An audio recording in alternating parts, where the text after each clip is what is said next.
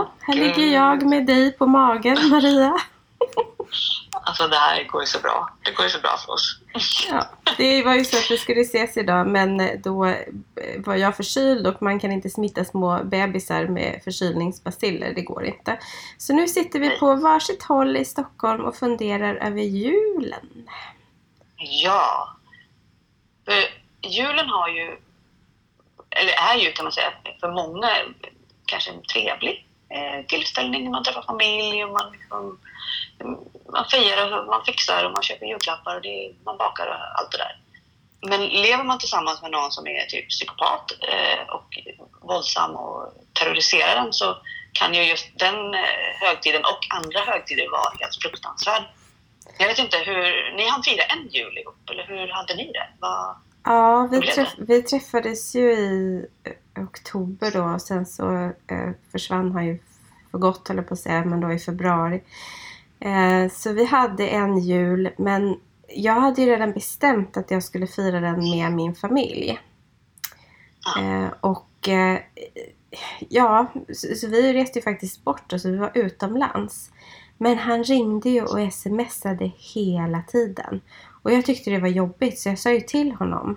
Eh, och jag, jag kommer inte ihåg alla detaljer för jag har förträngt det mesta eller gått vidare. Men nu när vi tänker till, liksom, när jag tittar tillbaka på det så kommer jag ihåg det här hur jobbigt det var för att han fick mig att känna skuldkänslor för att jag inte hörde av mig. Men jag satt ju där med mina bröder och min mamma och min dotter och jag hörde ju av mig normalt tyckte jag.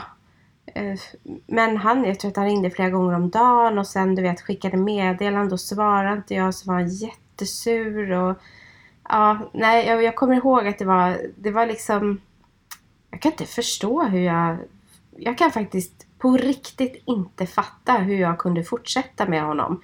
Men när man är inne i det så är det svårt att, att förklara. Jag var ju på väg bort samtidigt och så var jag väl rädd också. Men jag, jag, jag, jag kan inte förklara det. Det var bara, jag, jag försökte bara liksom få det lugnt för jag ville ju må bra och vara med familjen. Så att jag försökte svara honom så mycket så gott det gick så att han var nöjd så att jag kunde få vara i fred. Nej men fy fan usch.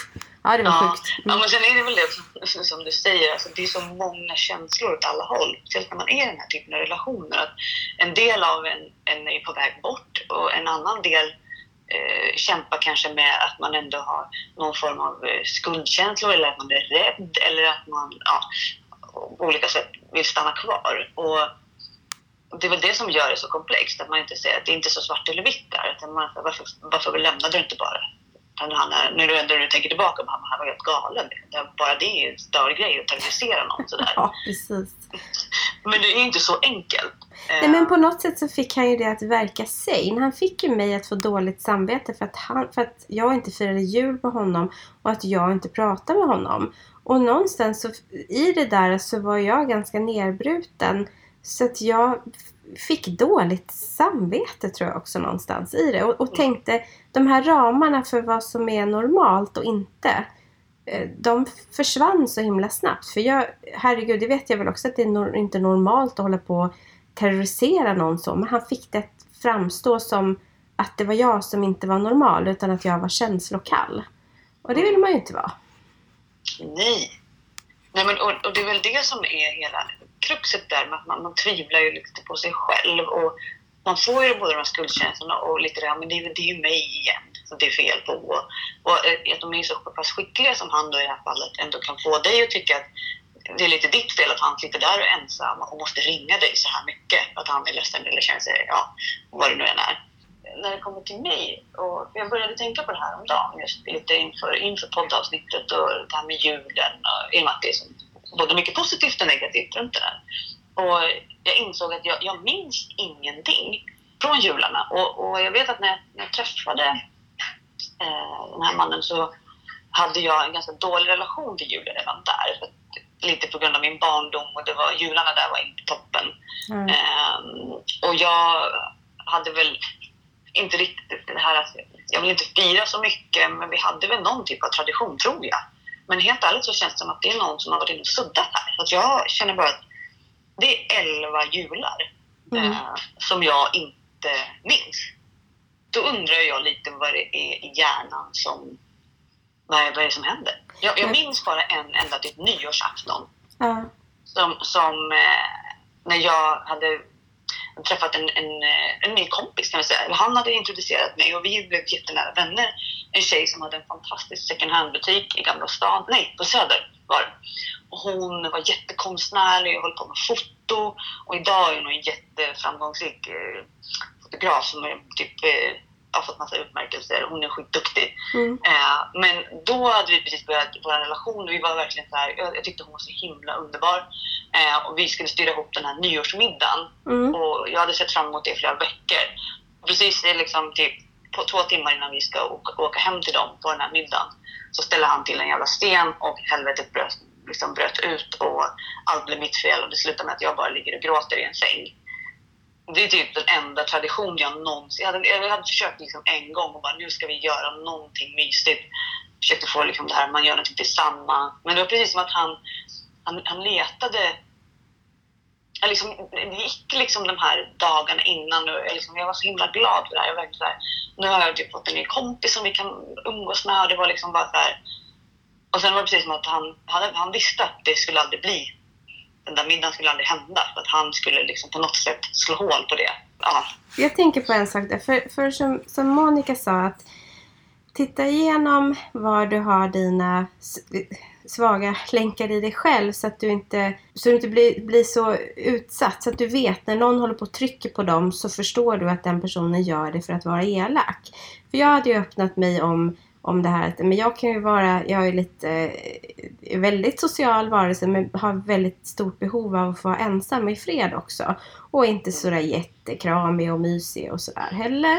Eh, och, och så försökte jag ändra på det och så bara, ja men du vet sådär. Eh, nu är jag skitnöjd med precis hur jag är. Försök att ändra på det om du kan liksom. Men jag tänkte på dig där. Vad var, den, vad var det som gjorde Kommer du ihåg ehm, när ni skulle ha den där nyårsmiddagen? Var det bara att han, han skulle bara förstöra eller gjorde han på något speciellt sätt? Sa han någonting som du minns eh, Alltså det, det jag minns liksom är att, eh, ja, alltså, jag minns bara hur det skulle vara någon form av lite knytkalas. Mm, Eh, och jag hade ju gjort i ordning någon typ av mat som vi skulle ha med oss, eller om det var någon efterrätt. Det var någonting. Eh, och det var det att jag hade ju, jag hade lite, vad ska man säga, jag höll på där, fixa mig själv och hade, hade lite problem man skulle välja kläder. Ja men ni vet, man är lite nervös och hela den där biten. Och, och någonstans där så vet jag att han, han hittade en punkt när jag blev irriterad på honom. Eh, Just för att jag kände mig lite stressad över det här. För att man kanske är lite tidsoptimist än vanligt, man är, men och så vidare. mm, Eh, Så att jag vet att han fick mig då att bli irriterad på honom och, och ha ett annat röstläge. Och det var ju de här röstlägena, jag fick inte ändra ens...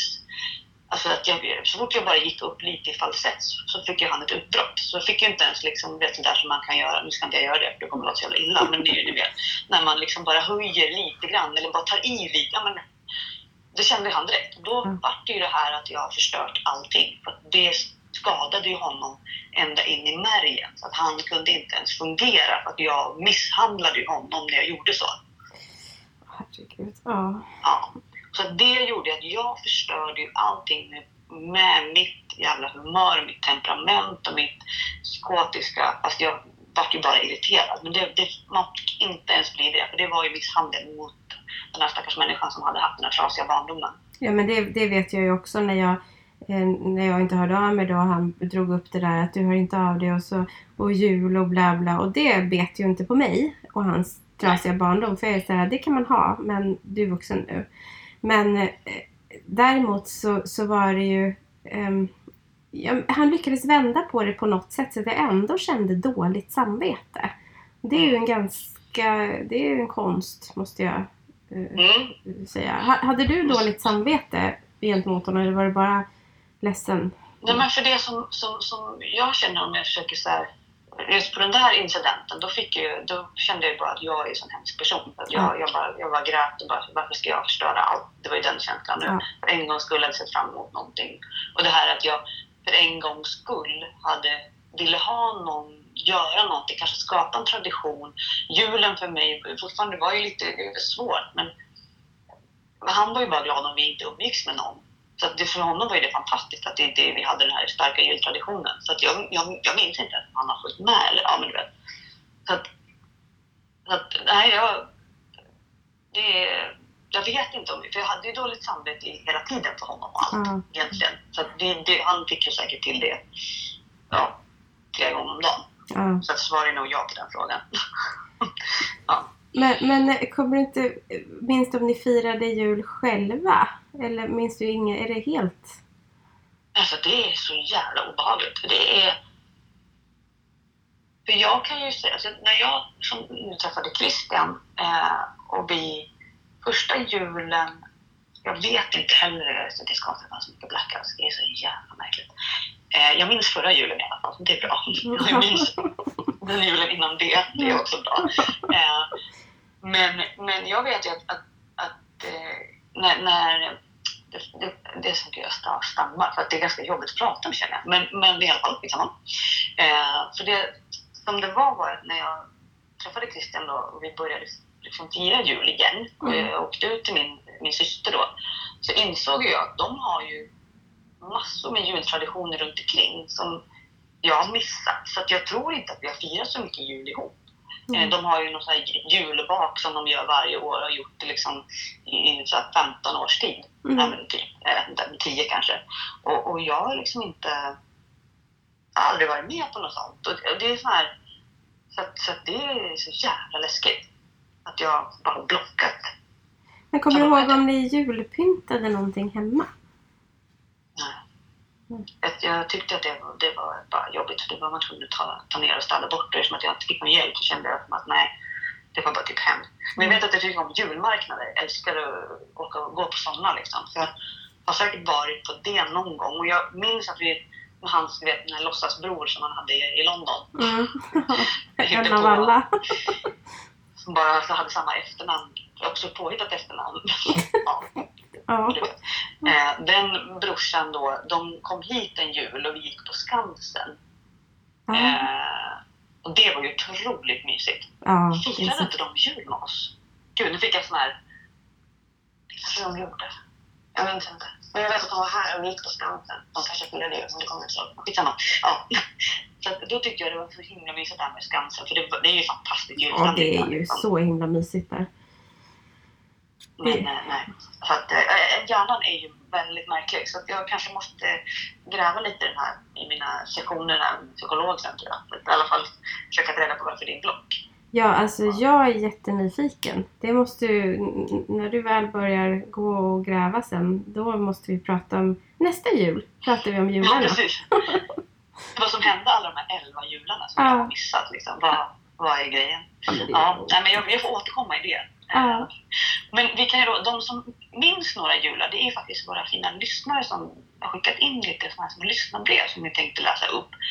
Att det, det, den har, liksom, eller julen har ju varit lite olika för många av de här. Eh, så jag tänkte du hade några, vill du börja eller? Ja, vi har fått ett mejl här. Eh, från, och jag ska säga att de, de två mejlen jag har, de vill vara anonyma de här tjejerna. Men jag läser upp dem. Hej och tack för en jättebra och viktig podd. Jag kom själv ut ur en relation av grov psykisk misshandel och fysiskt våld för snart två år sedan. Er podd har hjälpt mig att förstå en massa saker om mitt ex och framförallt fått mig att känna mig mindre ensam. Och ni vet, fatta att det inte är mig det är fel på. För den inrotade känslan av att man är dum i huvudet är svår att bli av med efter ett långt liv med en psykopat. Mitt värsta julminne är när jag och mitt ex är på väg från mina föräldrar till hans föräldrar på julafton. Vi hade alltid sådana stressiga jular där vi firade hos båda våra familjer. Jag är ledsen för jag vill inte åka ifrån mina föräldrar. Hans familj behandlade aldrig mig som en del av familjen trots att jag och mitt ex var tillsammans över tio år. På något sätt började vi bråka om just det i bilen och även om mitt ex hade en jättedålig relation med sin familj, han hälsade knappt på och höll inte kontakten med sina syskon och så vidare, så var han fruktansvärt känslig för kritik mot familjen. Han blir jättearg, trycker ner gasen och bara axar upp bilen till max. Han kör om andra bilar jätteslarvigt, kör på fel sida om vägen och allt i jättehög fart på hala vintervägar i mörker. Jag blir jätterädd och börjar gråta och jag ber att han ska sakta ner. Men han ser svart och går inte att få kontakt med. Jag hinner acceptera att vi kanske kommer krocka och dö men så helt plötsligt börjar han gråta, tvärnitar och släng, svänger in på en liten skogsväg. Jag blir inte lugn av att vi stannat utan får panik över vad som kommer hända. Jag tänker han kan ju inte göra illa mig så mycket för vi ska ju till hans föräldrar. Men jag tänker också att han kanske kommer döda mig. Det kändes alltså som de två rimliga alternativen eftersom vi skulle träffa hans familj. Att inte bli så mycket skadad. Eller dödad. Det är så sjukt när man tänker på det i efterhand för det är helt orimligt. Men istället kastar han sig ur bilen och hetsgråter, skriker och slår på bilen. Slår på träd och sparkar i marken. När han lugnat ner sig får jag trösta honom och försäkra honom att jag inte hatar hans familj. Efter det åker vi dit för att fira jul. Vi var typ tio minuter därifrån. När vi kommer fram är han helt oberörd och har sitt bästa julhumör framme medan jag helt utmattad bara vill gå och lägga mig. Och sen så avslutar de med att ärligt talat har alla jular utan mitt ex varit underbara. Framförallt eftersom han inte är med längre. Tack. Nej men fy, alltså det är... Oh, man, man upphör aldrig förvåna. Och just det där, det här att kasta sig mellan känslorna. Att de är helt galna och vansinniga. Sen helt plötsligt bara kan de börja tokgrina. De spelar på sådana känslor så att det är ju...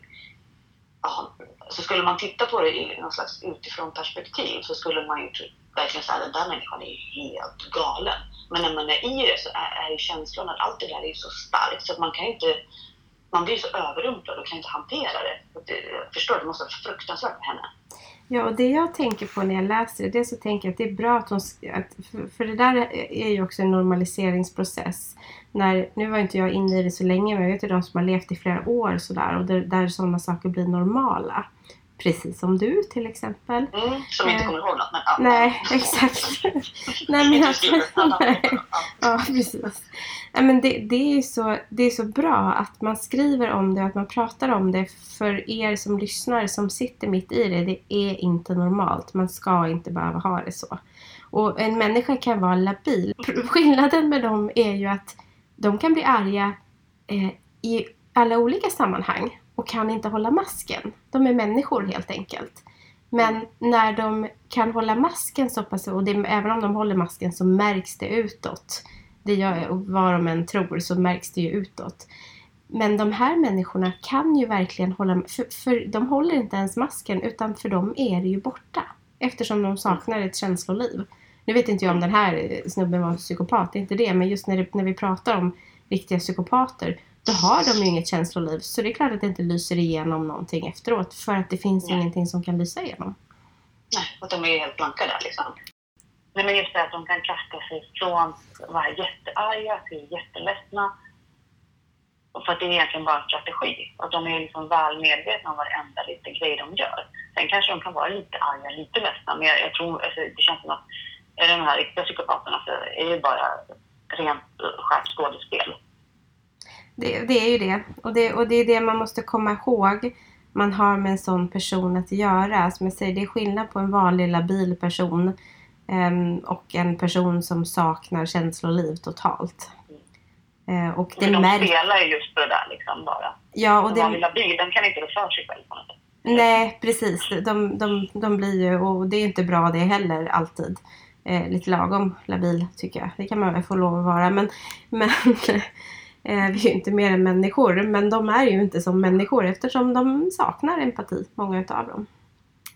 Ja, men, och där, jag kan ta nästa brev som jag fick här. Det är lite kortare. Mm. Um, och summera ihop det lite, för det är lite på samma spår som vi är inne på. Det här med hur de, hur de inte riktigt agerar som man ska, utan gränsdragningar. Och, uh, det här var då en kvinna som hon var bara tillsammans med den här Eh, killen då i åtta månader. Mm. Men hon minns ändå julen som väldigt jobbig. Eh, som tur var så var det... Julen var inte den hemskaste perioden, men den, den var lite jobbig. Speciellt när de precis hade träffat så var det en, en, en händelse som fick henne så här efterhand att ah, det var där det egentligen började. Allting. Mm. Eh, så den här kvinnan då, hon skriver att eh, alltså hon hade redan bestämt sig för att separera med sonens pappa. Eh, och hade då träffat den här nya killen. Eh, hon hade köpt en lägenhet eh, men hade inte flyttat dit än utan bodde kvar hos, han, eller hos den här mannen. Då. Jag hade träffat den här killen någon månad innan julafton Men jag skulle fira jul med min son och hans pappa på en annan ort. Jag skulle bara fira julen och sen skulle jag åka hem. Och på väg därifrån så ringde den här killen mig och ville ses. Och han ville att vi skulle träffas på ett hotell. Men jag kände inte alls att jag ville det, utan jag ville bara hem. Jag kände mig deppig eftersom det här livet med min, mitt ex inte blev som jag hade tänkt och min son och han firar jul på en annan ort. Och, och jag kände bara att jag ville hem. Och då blev den här den nya då, han blev jättesur. Uh, och var inte alls, inte alls lätt att prata med. Uh, men hon åkte hem då och när hon kom dit så då är han där. Eh, och då skriver hon så här att min dåvarande sambo hade specifikt bett mig att inte ta hem den här nya killen, han visste ju då om det. Och hon kände att nej, men det, det ville inte jag. Jag ville inte ta hem honom till oss. Men han tjatade och efter en stund så kom han in ändå. Och han hade med sig något nytt paket. Jag ville lägga mig tidigt, men han ville inte åka hem. Han vägrade åka hem. Han hade packat hela sin bil full med alla sina kläder, sa han. Och han gick och la sig i min sambos säng och, och helt plötsligt så lyckades han sova över där. Eh, nu i efterhand så var detta början på några, många gränsöverskridande situationer där mina egna nej och stopp hittades. Nej till sex, nej till att lämna ifrån mig lägenhetsnyckel, ja, nej till många andra saker. Jag trodde jag var kär och, eh, men, och han sa att det var inte normalt att säga nej till vanliga saker. Eh, och till slut kom jag på honom. Han hade haft en parallell relation. Han hade övervakat min telefon. Han hade spelat in alla mina lösenord, aktiviteter på min dator, kopierat larmnycklar, ja, baktalat mig på min arbetsplats och mycket mer. Men det jag tänker på så här i efterhand, att det, liksom, den där julen, det var liksom det största riktiga tecknet egentligen på att någonting var fel. Och där, där och då kunde jag inte veta att mitt nej hade betytt min frihet egentligen.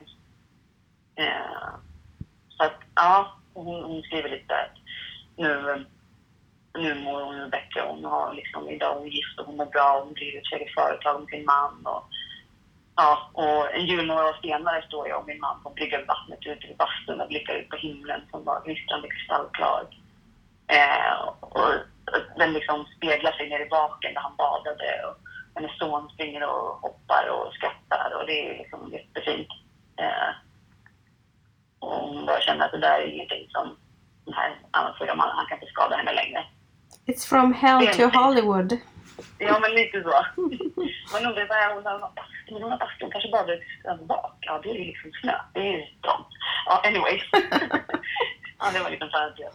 Men, men det är fint ändå att hon ändå kan liksom, att hon idag har en ny man och liksom att den här sonen också då kan vara med i den relationen, att det funkar och att det Ja, men det är skönt att höra det här eh, happy, liksom att, det, att det faktiskt kan gå bra efteråt, att man kan komma loss och komma därifrån. Men det är ja. ju väldigt eh, klokt av henne just det här att, att förstå att det där nejet, det var, sen, sen gör inte det så stor nytta men kanske gör nytta när vi pratar om det. Gör inte våld på dig själv från början. För det blir oftast inte bättre. Utan Nej. stå på dig från början om det, det känns fel. Det är det, de är så jäkla duktiga. Just det här på att tjata sig in och. Det är lite det som vi pratade om innan, att man spelar på skuldkänslor. Att den, han hade ju då, som hon skrev, han hade ju med sig en dyr present. Han hade ju packat hela bilen full med kläder. Och han hade liksom planerat, och han liksom sålde in det här till henne på något sätt som att ska du skicka hem mig med de här fina julklapparna och jag har verkligen packat och liksom förberett att vi ska umgås. Och ska du skicka hem mig på jul? Lite den grejen vill han förmedla. Ja, och, det, det, och jag fattar ju hela... Jag vet ju att både före och efter eh, den här relationen jag hade så hade jag bara sagt ja, du kan ta din julklapp och dra, hej då. Men i, i den relationen, jag blev ju personlighetsförändrad så det är ju inte man kan inte lasta sig själv eller man är en punkt i sitt liv där man blir drabbad helt enkelt och de är jätte, jätteduktiga på det. Så att mm. kan man säga nej så ska man göra det men man ska ju aldrig ha skuldkänslor för att man inte var tillräckligt stark. Inte kan säga nej. Nej. nej. nej men för det är ju som sagt, det är svårt. De är skickliga på det. Och just det där om man liksom om man säger som idag när man inte visar det så kanske man klarar sig. Det är inte heller säkert, det kommer jag inte säga. Nej. Men just det där att en sund person skulle inte bete sig så. Nej. Den personen skulle inte åka hem till dig och komma liksom vilja tränga sig in i din lägenhet, stå där med en julklappar och hävda bilen full med kläder. En sund person skulle inte säga så. En sund person skulle liksom kanske planera det där lite innan. Det skulle inte vara den här, det upplägget ens en gång. Det skulle inte finnas. Nej men sen har vi ju lite. Vi har ju lite de här, man är uppväxt kanske lite med de här Hollywoodfilmerna där, det slutar ju alltid bra. Det är ju jätteromantiskt hit och dit. Eh, och, och du vet, saker och ting, det sudden och han kom där och hade allting med sig och sen blev, levde de lyckliga i alla sina dagar. Eh, det, det, det finns ju en anledning till att man skriver sådana manus, man vill att det ska vara så. Mm. När det inte blir som filmen, då blir det ju liksom också man blir tagen på sängen och kan inte hantera det heller. Gud vad roligt det skulle vara att göra om alla de här, du vet, så här knas och så skulle man bara säga fast så här var det på riktigt. Ja, precis. Ja, precis. Dåren var en psykopat och han gjorde det så. Sitter där och har inga pengar kvar och allt det helvete. Ja, men börja alla så här var Hollywood... några dagar alls faktiskt. alla Hollywoodfilmer gör man bara, man bara nej, det var egentligen det här som hände i Pretty Woman. Mm. Så ni kan faktiskt lägga ner hela den här romantiseringen av. Precis. Ja. Ja, hur gör man det utan att bli bitter? Ja, nej men det var kul. Ja. Ska vi gå till, jag har ju ett kort litet brev här Mm. till Mm, kör. som jag eh, ska läsa. Det är inte så mycket händelser utan det är mer, ehm, ja, eller kort sammanfattat. Under 17 år händer en hel del, men de sista tre åren försvann jag helt som människa och mamma till våra barn, då 10 och 13 år. Barnen förbjöds att kalla mig mamma. Mina födelsedagar försvann och julen fick barnen inte köpa några julklappar till mig. Jag var inte värd något enligt honom. En natt tog jag mig därifrån, men fick inte med mig barnen. Jag sökte hjälp, men ty- tyvärr försvann han med barnen. Idag är de 24 och 27 år. Jag brukar säga, jag satte nej till misshandel, då förlorade jag mina barn. Det är en tragisk historia om två barn som försvann i flera år. De förlorade många år av sin skolgång. Det bästa efter relationen var att jag återförenas med min äldsta dotter och hennes två barn som jag inte fick umgås med. Vi träffades i smyg i många år. Det här är bara en liten del av allt som hänt. Om ni väljer att använda något ur min historia så vill jag vara anonym. Tack för att ni finns, det ger mig styrka. Ja, och jag kan ju säga, vi, vi, jag har ju gjort film om gemensam vårdnad i misshandelsfall, alltså i fall där, eh, där mamman blivit misshandlad. Och Marie har ju pratat en hel del om det också och berättar ju ganska eh, hemska historier men också att det kan gå väldigt bra om man är väldigt väl förberedd. Men de historierna som jag hörde om eh, och de här kvinnorna som jag träffade, för jag gjorde både dokumentär och en spelfilm om det. Eh, de historierna och protokollen jag fick läsa från socialen och allting sånt. Där jag tar del av historier hur mamman måste, barnen står och hänger sig fast i, i, i sin mamma för de vägrar åka med sin pappa för de är livrädda. Men om inte mamman lämnar ut barnen till pappan så förlorar hon vårdnaden. Mm, ser så hemskt. Jag har gåshud. Ja. Och det var så hemskt och, och jag, men jag träffade de här och satt och filmade och jag skulle då sitta och intervjua dem. Och jag kände att jag får inte sitta här och gråta men jag kunde inte låta bli. Tårarna kom ju ändå. Det var, det var så hemskt. Man, man har någon form av empati och så höra de här historierna. Och då var det ju fall som, som var eh, där de hade fått återupprättelse sen efteråt då. Och eh, men ja, jag, jag saknar ord när jag pratar om det. Men Men då underlaget hade så, åren redan gått och allting. Liksom, det var ju ändå säkert Ja, precis. precis. att fick upprättelse. Det var väl inte att de fick den på en gång. Nej, och, och så var det så många olika kvinnor också som också är viktigt att säga att, att det var em, i alla, alla olika. Och det, det jag kan säga, jag, jag, val, jag valde ut några just för att de kom från en samhällsklass där man förr inte trodde att misshandel fanns. Men där kan det ju vara väldigt, väldigt lätt att dölja den också. Har man väldigt mycket pengar så kan det vara ännu lättare att eh, komma undan. Och ännu lättare att man faktiskt får vårdnaden om sina barn och sånt. Och jag eh, tycker ju inte att vi har ett helt säkert rättssamhälle och det förstår ju varje människa som har varit något sånär beblandat sig med att vi inte har ett riktigt säkert rättssamhälle och att det också är omöjligt. Sen lever vi i en demokrati där vi, där vi är för ett rättssamhälle, det är inte det. Men det finns sätt som det kan funka bättre på. Det tyckte jag Marie gav väldigt mycket Ja. bra input på. det, var ju, ja, och det, det är ju hemskt när man får höra att de förlorar vårdnaden. Det är så att man får ja, mardröm. Det var fint att hon hade fått tillbaka kontakten med en av sina döttrar i alla fall. Ja.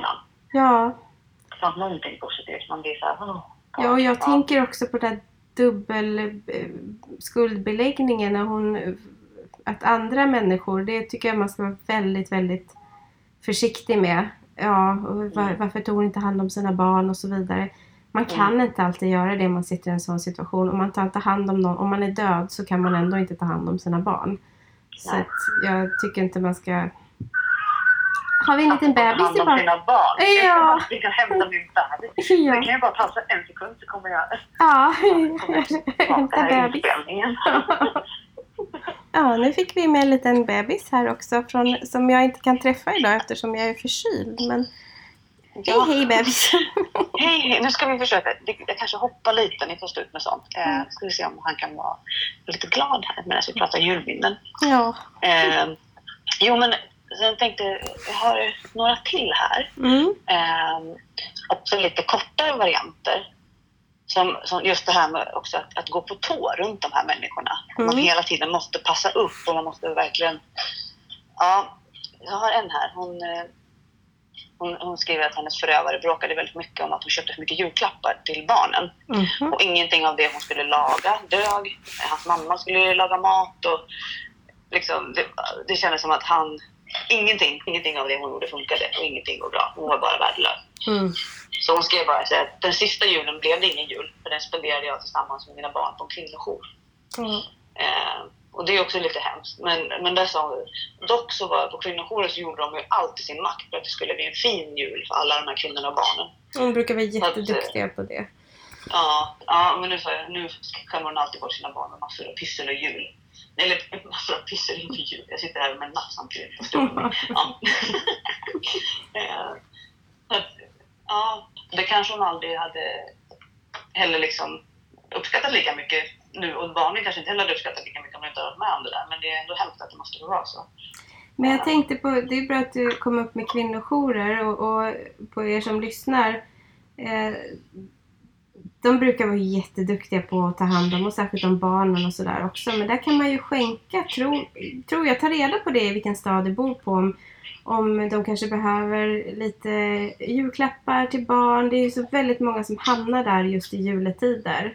Så skänka en extra slant eller skänka några julklappar eller någonting sånt. Det vet jag ju är väldigt uppskattat. Man får ju Mm. kolla med, med kvinnojouren först självklart. Men det brukar man kunna bara slänga iväg ett mejl och se om de, om de vill ha någonting. Det är ett tips. Ja, men verkligen. Och vi har en annan kvinna här. Hon skriver precis just det att hon faktiskt skänkte sin eh, julgran till, till en barnfamilj bara för att hon kände att hon, hon kom ut från sitt skyddade boende den 23 december. Mm. Och hon kände att hon bara, jag vill inte fira jul utan jag vill jobba. Men jag skänker julgran. Och där kan man ju också om man känner att nej, jag, jag vill inte oj, fira, fira jul eller så kan man faktiskt ge bort julpyntet också om man känner att nej, det här julpyntet hade jag i den här relationen. Men det är också någonting jag vet när jag, jag städade min källare så hittade jag lite sådana gamla julpyntsgrejer. Jag tänkte, mm, så man kanske inte vill ha det faktiskt. Att det var där i det hemmet. Ja, trots att du inte minns det. Ja men verkligen, jag minns det tomtejäveln i alla fall. Jag minns inte resten. Ja, Ja. nej usch. Nej, så det... precis, ta, skicka lite paket till kvinnojourerna för det är, de samlar in kläder, de samlar in allt där. Det är faktiskt eh, fantastiskt. Ja, man kollar deras riktlinjer bara så innan och så, så kan man hjälpa till där. För att eh, Mm. ofta får man ju fly utan julklappar eller någonting. Kanske bara liksom kläder man har på kroppen och då, Mm. då behövs det ju mycket. Hygienartiklar och sånt vet jag brukar behövas också. Så att eh, Mm. det är Mm. jättebra tips. Ja, kommer till verkligen. användning. Ja du, det här med julen. Jag har, fått ganska mycket mejl, men jag kan inte läsa upp alla. Men, men många i alla fall som var en liten summering, det är att, just det här, den här psykiska terrorn som, som de här personerna använder sig av. Det var som en kvinna hon skrev så här, han skickade sms Mm. eh, och att, att eh, om, han, om hon inte firade nyår med honom så skulle, de se till att, eller skulle han se till att hon firade det på sjukhuset. Och så skickar hon en, en bild på att, att eh, han skickar en bild till henne på, sin, på hennes bil. Han står nedanför hennes liksom, lägenhet. Ja. Och just den här att, att, att, att de, eh, även de som har då bara vanliga bråk och att de inte gjort slut. Så vissa beskriver då att deras ex jagar dem. Det här var väl det eh, sånt fall. Men, men just när de fortfarande är i relationer.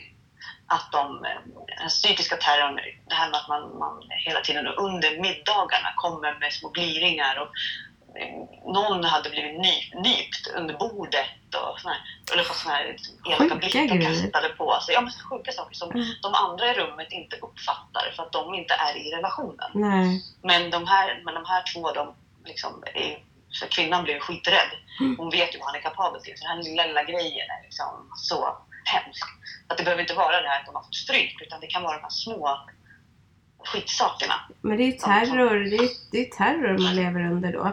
Och det är julen som ska, vara så fin. Det är ju så otroligt många människor som lider. Jag såg BRIS nu bara på Facebook. Du vet den här, då känner jag bara stackars ungar som Mm. drabbas av det här också. Ska det vara så jävla svårt att vara snäll? I alla fall på jul. Ja, vad fan. Det är ju det man lär barn. Varför kan de inte komma ihåg det när de växer upp? Exakt. Alla fall på julafton. Annars får du inga julklappar. Nej, fan. Nej, usch. Jag tänkte, Ja, ska, nej, vi, men, ska vi avsluta med det där brevet vi fick från hon, eh, den här tjejen som har vänt eh, sitt liv till något kreativt? Börjat skriva ja, just musik. det. Det var ju jättefint. Ja, Det hade inte så mycket med jul att göra, men det har ju med liksom att precis vända och verkligen ta det här onda som man har varit med om och liksom göra någonting fint av det. ja Och precis. Hitta kraft och styrka i, Ja. i det. Mm. Då ska vi se. Jo, då skriver hon så här. Hej där! Jag vill skicka ett meddelande till er båda för att säga tack. Utan er podd hade jag inte förstått allvaret i den relation jag själv varit i. Det är så starkt att höra er båda prata öppet om era erfarenheter och jag har insett under tidens gång att jag inte är galen. Det är inte mig det är fel på. Ni verkar som så härliga personer. Jag önskar jag kunde få snacka mer om detta någon gång. Jag är själv artist och har lyckats få utlopp genom min musik och skriver just nu ett album relaterat till min egen upplevelse. Om ni någon gång skulle vilja ha en låt i programmet eller behöver musik på något vis, låt mig veta. Skulle så gärna vilja vara involverad på något sätt, då det ni gör är helt fantastiskt. Och jag önskar jag kunde vara en del av rörelsen att upplysa andra om just detta. Än en gång! Ja, det där var ju jättefint. Man blir så glad man får så. Vi får ju sådana härliga brev från folk. Ja, eh, man blir lycklig och verkligen att, att det här, nu ska jag inte säga lilla vi gör, men det här vi gör, att det verkligen påverkar och att man- folk kan hitta liksom en, en kraft i det. Trots att vi gör det med, över Skype och med bebisar i luren och allting sånt. Men Ja. det blir ju väldigt mycket mer levande då. Det är så fantastiskt Ja, att du har fått en bebis under den här tiden. Ja, men det är helt stört. Ja, det kan vi prata om i en annan podd. Det ska vi göra. Men Ja, vi, jag tycker göra. vi ska, så självklart så kommer vi ju spela eh, din låt här. Eh, Ja, så det. det, den, den kommer jag klippa in och eh, ja, den är fantastiskt jättefin. Men får vi avsluta vår podd. Och så får vi se om vi kan göra några andra trevliga samarbeten i framtiden. Det är alltid, vi älskar ju musik. Det är Ja. verkligen...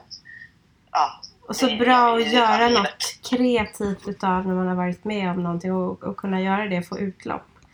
ja. Ehm, Jag vet många av våra lyssnare skriver ju böcker och vissa målar ju. Ja, men det är så, man, man måste ibland få ut det på olika sätt. Och, ja. ja, kreativitet är ju... Ja, fan, det, det brukar de inte kunna ta koll på, de jävlarna. Nej, det har de inte Ja. lyckats med oss i alla fall. Nej. Det kan, det, ibland så, man märker första tiden efteråt, jag var inte jättekreativ, men den, den är tillbaka med råge nu. Liksom. Det bara bubblar och grejer.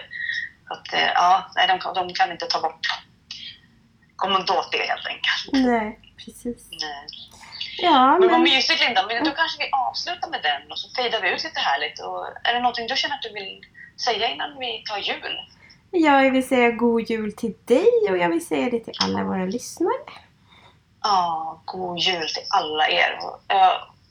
Vi tänker på er och vi skickar extra mycket såna här, vad säger man, styrkekramar. Och Ja. Fes mitt barn på mitt lår. Vad härligt! Vi får se om det hörs. Det är fantastiskt. Men, så, ni kanske kan få skratta lite här på slutet. Jag hoppas att det inte var för deppig podd. Utan vi vill ändå bara dela med oss av allt som händer. Både positivt och negativt. Eh, Livet är ju sånt. Det är ingen jävla Hollywoodfilm. Nej, but we're alive and kicking och de här kvinnorna som vi har läst upp, de har bra liv idag. Och det har varit för jävligt, Ja. men det kan bli bra. Så är det. Ja, och tack alla ni som har skickat in och tack alla ni som kommenterar och mejlar om allt annat. Och fortsätt med det. Vi tycker det är jättekul. Ja. Så kanske vi kan göra fler såna här grejer med tiden. Precis. Men du, god jul då Linda! Här går jul då!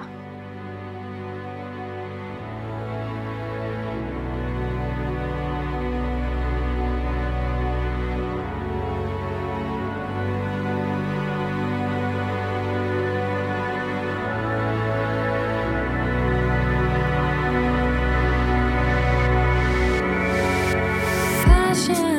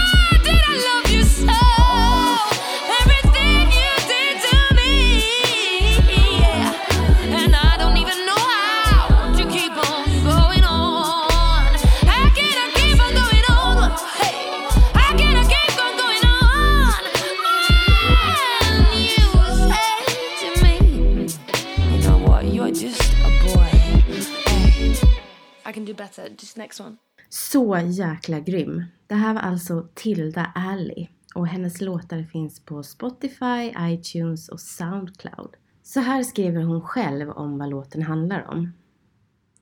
Boy handlar om hur någon kan ta sig in så djupt i dig att hela din världsbild förändras. Lögner blir till sanningar och du vet inte längre vad som är rätt och fel. Den här låten beskriver de tankar och känslor som uppstod under en relation som jag själv hade. Hur jag hela tiden kämpat mellan realitet och delusion. Tusen tack för att du delar med dig Tilda och god jul igen allihop!